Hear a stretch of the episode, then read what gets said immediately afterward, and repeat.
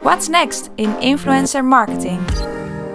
De trends, insights en insiders. Met gasten uit de industry, merken en natuurlijk influencers. Geproduceerd door 365. Welkom bij een nieuwe aflevering van What's Next in Influencer Marketing. Mijn naam is John Meulemans van 365 en vandaag hebben we het over homegrown influencers. Wat zijn dat? Nou, daarvoor heb ik een gast die hier alles over kan vertellen. Jennifer Feaster van Age Network. Hi Jennifer. Hi John. Ja, Jennifer, wij kennen elkaar omdat wij samen ook zitten in het YouTube Agency Rise. En daarom weet ik ook dat jij een van de weinige experts bent op het gebied van homegrown influencers. Maar Jennifer, misschien even terug. Ehm, wie ben je en uh, wat zijn nou precies homegrown influencers? Nou, ik ben de managing director van Age Network. Uh, Age is een influencer network uh, en wij zijn gespecialiseerd op YouTube. Um, wat ons anders maakt dan andere networks is dat wij uh, goed zijn in het begeleiden en opleiden van beginnende influencers. Dus waar onze concurrenten, um, vooral de, de grote established influencers aantrekken, wij maken ze groot. En dat doen we heel goed. We hebben een Age Academy, waar wij beginnende influencers helpen om een boodschap over te brengen mm -hmm. op de juiste platform, de juiste doelgroep te bereiken. Dus wij weten best veel inderdaad over homegrown influencers. We zijn er al heel lang bezig. En wij helpen nu bedrijven om hetzelfde te doen uh, binnen de eigen organisaties. Oké, okay. um, wat zijn nou precies die homegrown influencers? Nou, homegrown influencers zijn influencers die je zelf uh, opleidt of je jezelf ondersteunt. Um, in tegenstelling tot een uh, uh, bestaande influencer die al een bereik en een kanaal heeft. Dus um, het hoeft niet al, altijd vanuit je organisatie te komen. er zijn ook voorbeelden van, van merken die, die bestaande fans of the brand helpen om hun bereik te vergroten en ook om meer revenue te, ver, mm -hmm. te, te verdienen. Maar de, waar wij organisaties in ondersteunen, is echt het opleiden van eigen personeel. Om uh, niet alleen maar het, het merk, maar ook het persoonlijke merk van het, uh, van het individu uh, te vergroten. Oké. Okay. En kun je wat voorbeelden noemen van zoiets? Wie, wie, doet, wie doet zo? Wie, wie werkt er met homegrown influencers? Nou, in Amerika heb je een paar hele goede voorbeelden van grote organisaties die al een tijdje bezig zijn. Dus uh, Macy's uh, heeft in 2017 een eigen programma opgezet om hun eigen medewerkers, um, eigenlijk affiliate marketeers, uh, te, te creëren. Mm -hmm. Dus de, de medewerkers um, die hebben eigen Instagram-kanalen of YouTube-kanalen. En zij hebben toegang tot het hele catalogus van Macy's, die zij kunnen meenemen in hun posts. Oké. Okay. En, en hebben ze het dan alleen over Macy's of hebben ze het dan ook over andere dingen? Want dat op zich lijkt me dat een, ja, een beetje ongeloofwaardig als het alleen maar over Macy's gaat. Ja, en uh, een beetje saai. Ja. Nee, de influencers die, um, die maken content over hun eigen interesses. Dus de ene uh, kan een lifestyle vlogger zijn, mm-hmm. de ander uh, is dol op reizen, de ander is um, uh, meer met interieur of kunst bezig. Um, dus het gaat niet uh, alleen gewoon maar mooie content. Gerelateerd ja, aan Macy's. Ja, nou, geval. het is niet alleen maar Macy's. Het gaat in eerste instantie om de influencer zelf. Mm -hmm. um, uh, want dat, dat is wel belangrijk om een, echt, om een uh, fanbase te creëren. Uh, hoe, hoe leuk je merk ook is, is het onwaarschijnlijk dat je dat al, al die... Nee, ook hier is authenticiteit belangrijk. Ja, precies. Ja. Het ja, moet ergens over gaan. Oké. Okay. Dus de, zij, wat zij doen, is zij nemen de Macy's producten gewoon mee in hun eigen vlogs. Dus als een een fashion vlogger is, dan gaat ze dan um, uh, een tas van Macy's um, uh, in de ene post meenemen. En een andere keer mag het een trouw zijn. Maar het is niet continu alleen maar Macy's producten. Waarom zou een Macy's nou zo'n programma starten? Wat, wat zijn de voordelen van zo'n programma? Nou, het, um, nou, ten eerste, uh, het heeft uh, op de lange termijn meer effect, mm -hmm. dus schaalbaarder. Dus de alternatief is alleen maar werken met bestaande influencers. influencers. Ja, en, en het probleem daarbij is dat, um, ja, het is niet exclusief natuurlijk. Deze week zijn ze voor jouw merk aan het ja. werken, maar volgende ja. maand kan het een ander zijn. En je moet elke keer um, weer geld bijleggen. Uh, zeker als je best veel promotie en uh, mooie productiewaardes tegenaan gooit, dan help je die influencer groeien, uh, waardoor die volgende keer ook meer bereik heeft en een stuk duurder wordt voor, voor je merk. Nou, als je investeert in eigen influencers, mm -hmm. dan ja, bepaal jij de terms van het contract en ook voor de, de, de pricing. Jij bepaalt wat voor waarde je biedt, ja. maar je groeit gewoon met ze mee. en het uh, los van de, de marketing um, uh, voordelen, uh, is het ook heel, heel goed voor recruitment en employee retention. Dus ja. het heeft gewoon best veel spin-off. Bijt dat? Of hoeft dat niet per se? Is het of-of? Of is het misschien wel en? Nou, uh, nee, je kan zeker nog met um, uh, bestaande of established influencers werken. Sterker nog, als je uh, collaborations organiseert tussen je eigen homegrown influencers en de um, existing influencers mm -hmm. met een, een bereik, ja. dan gaan je eigen influencers ook sneller groeien. Ja, precies. Hebben we ook Nederlandse voorbeelden? Ja, zeker. Um, wij hebben natuurlijk onze uh, uh, volgas met Joey. En, uh, Wie is dat? Dat is Joey Schaar, dus, de best bekende scootermontuur in heel Nederland. Wij hebben een paar jaar geleden um, volgas met Joey opgericht. Eigenlijk met als doel om een, een succesvol YouTube-kanaal op te richten die, uh, om, de, uh, om jongens te bereiken, maar dan uh, zonder game content. Mm. Dus we hebben Joey erop gecast um, en hij was toen vrij onbekend en zijn scootergarage ook. Maar ondertussen zijn garage echt het best bekende garage in heel Nederland. Dat is een heel goede voorbeeld van hoe die, um, ja, in dit, dit geval het, het, gezicht van het merk heel goed kan bijdragen aan het groei van het merk. Um, en dan, je hebt ook natuurlijk uh, Blij met Short. Mm -hmm. Dat is uh, Albert Heijn's meest succesvolle YouTube-kanaal. Ja. En ja, dat is ook een hele mooie voorbeeld van heel authentieke content.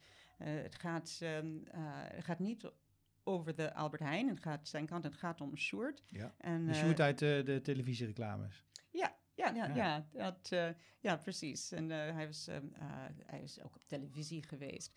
Maar toen Albert Heijn een eigen YouTube-strategie ging neerzetten, hebben ze verschillende kanalen opgezet. En ja, blij met Short is gewoon echt de, de, grootste winnaar. Dat is ja. heel persoonlijk hm. en heel leuk. Je noemt net een paar keer YouTube. Is YouTube nou ook het kanaal waarop het zo moet afspelen? Of zijn er ook nog andere kanalen die hier een rol spelen? Nou, afhankelijk van je doelgroep en, en je doel um, kan je uh, ja, kijken ook naar Instagram, naar LinkedIn voor uh, B2B. Mm -hmm. We kijken naar podcasts ook voor... Uh, B2B, want, want um, dit soort homegrown influence programma's, richten ze dat met name op B2B, B2C of, of, of beide? Wat ja, moet ik dat zien? Ja, bij, um, bij de B2B-market um, is het, heb je het over thought leaders. Maar mm. eigenlijk is een thought leader gewoon een influencer uh, voor de zakelijke markt. Dus um, het is hetzelfde principe, alleen uh, net een andere, um, ja, andere platforms, andere kanalen. Ja. Uh, maar het principe is hetzelfde. Ja, toevallig uh, vorige aflevering, dat ging ook over B2B influencer marketing. Ik had toen een gesprek met Marcel Molenaar en die zei ook dat ja, een groot gedeelte van de inkopende bedrijven, die kijken echt naar thought leadership. Uh, iets uh, wat nog helemaal niet zo gezien wordt uh, door de ja, verkopende partijen. Dus daar ligt zeker wel een, een hele grote kans, denk ik, voor, voor, voor merken die nou, zakelijke klanten hebben. Ja, zeker. Ik denk dat dat leadership programma's heel, ja, dat heeft voordelen voor, voor die organisaties. Niet alleen maar qua sales, maar uh, zeker als het gaat om het uh, ja, samenbouwen aan de uh, merk van die medewerker. Mm -hmm. we zijn um, steeds meer bezig tegenwoordig om eigen um, merkwaardes en de, persoonlijke merkwaardes goed neer te zetten. Ja. En als je werkgever daar een, een steentje bijdraagt, dan is het, um, is het voor iedereen heel goed. Dus, um, en natuurlijk voor sales, het, is, het ja, heel logisch als je, ehm, als je collega's weet dat een bepaalde partij gewoon heel erg bekend is in de markt en eh, op eh Ja, gebied dat van ook af kennis. voor het merk, dat snap ik. Ja, Ja, en en eh, oké, voor B2B zou het met name LinkedIn zijn en eh, Twitter, denk ik. podcasts. Podcast, ja. En Maar ehm, in- B2C? Nou, ehm, ik wil ook eh, zeggen dat eh, YouTube is ook voor B2B. Het blijft gewoon belangrijk. Kijk, ehm, eh, LinkedIn is een goede manier om je doelgroep te bereiken op het moment dat ze kijken naar een bepaalde feed. Maar YouTube is heel belangrijk voor de long tail. Dus als je iets zoekt, ehm, dan zal je het na drie jaar, vijf jaar nog steeds op YouTube vinden. En waarschijnlijk niet op LinkedIn. Ja. Zeker als het gaat om evergreen topics, ehm, is het ehm, eh, heel, heel gunstig voor, eh, voor je content eh, en je merk om dat op YouTube goed te zetten. Wat heb je er nou voor nodig? Stel, ik ben een, een merk, ik wil starten met je homegrown influencers. misschien wel, ik ben een retailketen, ik heb een heleboel mensen in dienst. En daarvan moeten er toch wel een paar zijn die het leuk vinden om ja, meer een passie uit te dragen online. Waar start ik? Wat heb ik nodig om zo'n programma te kunnen runnen? Ja, het, eh, de eerste stap is om die medewerkers ehm, ehm, in gesprek te gaan met hen. Ehm, even vorm te geven over wat hun interesses zijn. Vanuit het merk zelf eh, moet je denken aan je waardepropositie.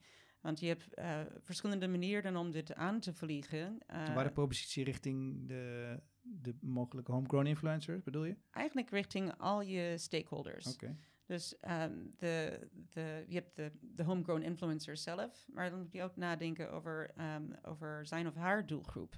En what's in it for them? En hoe, hoe ga je je eigen ehm, eh, personeel helpen om hun fanbase eh, beter te dienen? Ja, En wat kan daar dan in zitten? Eh, wat is dan van waarde voor, eh, voor hun? Nou, uiteindelijk gaat het om waardevolle content. Je moet content maken die ergens toe doet. Waar, waar mensen echt op zitten te wachten. Dus ehm, als je je medewerkers, ehm, eh, eh, als je ze in een pro- programma giet waar ze alleen maar brand ads eh, voor je gaan produceren, dan gaat het echt nooit vliegen. Nee. Dus je moet hem vooral helpen om hun eigen boodschap over te dragen. En eh, eh, dus de content en de inhoud is het belangrijkste. En dan denk je van, oké, wat is, wat is, wat Dus je kunnen geeft wij ze training bijvoorbeeld. Ja, precies. Je geeft ze training. Ehm, eh, dat kan ehm, eh, gaan over de, hoe hou je een camera vast, hoe zet je een podcast op, tot eh, editing skills. Ehm, maar dit, de, de inhoud, dus de, de, de formats en de, de contentstrategie, dat is waar, ehm, waar de meeste mensen eigenlijk op struikelen. Ze hebben Hm. wel een eh, leuk idee voor een paar, een paar posts of een paar, paar video's. Maar dan. Maar daarna, daarna ineens droogt het op. Dus je moet dat wel goed blijven ondersteunen.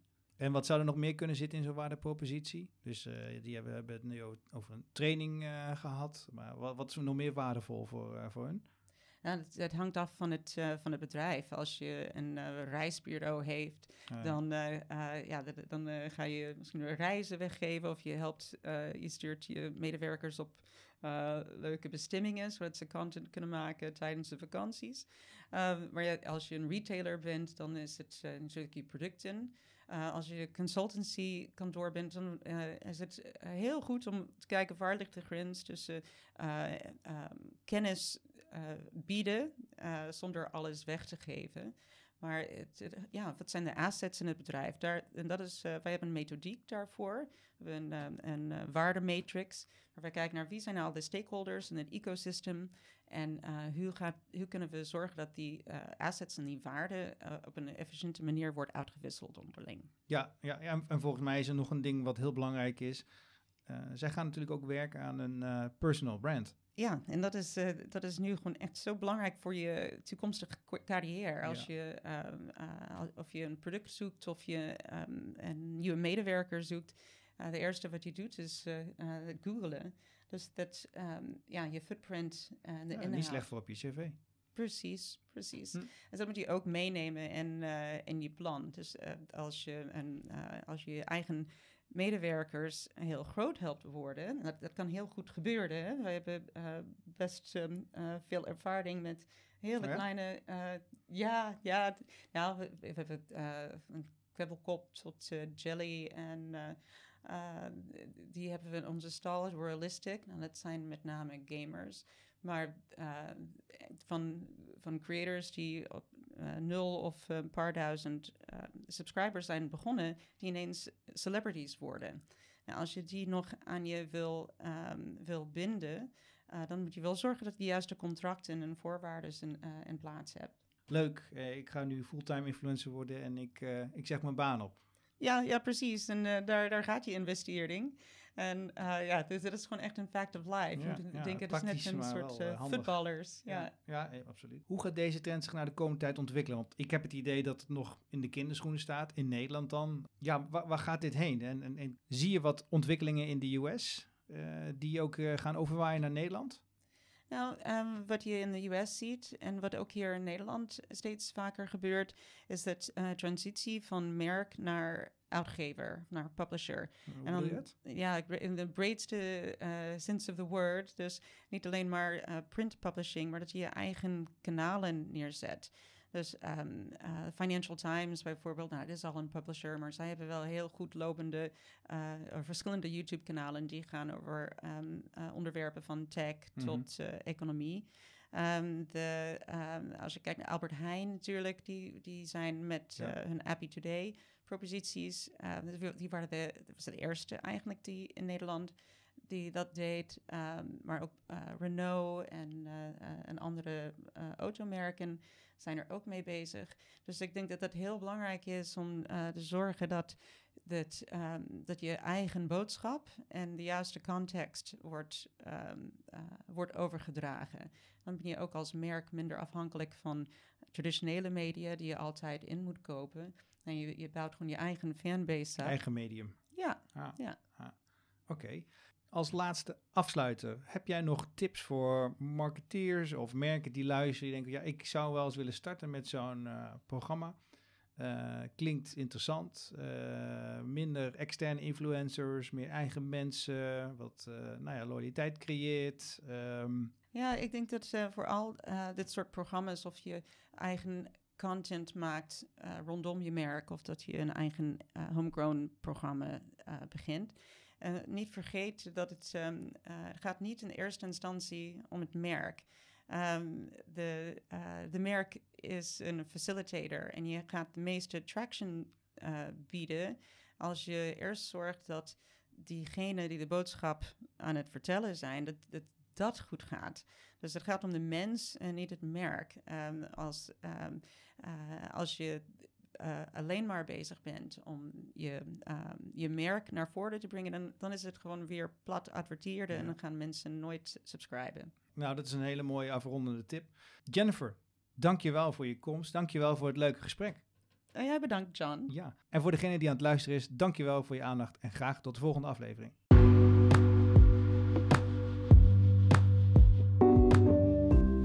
Tja. Als retailer kun je misschien nu inspiratie halen uit het playbook van Macy's, die inmiddels met een paar honderd creators werkt uit eigen organisatie. En leuk om ook even een link te ontdekken met het Thought Leadership onderwerp uit de vorige podcast over B2B influencer marketing. Over twee weken weer een nieuwe aflevering waarbij we met Doort Roest van Tim eens gaan praten over de vraag agency of platform. Vergeet in ieder geval niet te abonneren of te sharen als je deze aflevering nog met anderen wilt delen. En dank nogmaals voor het luisteren.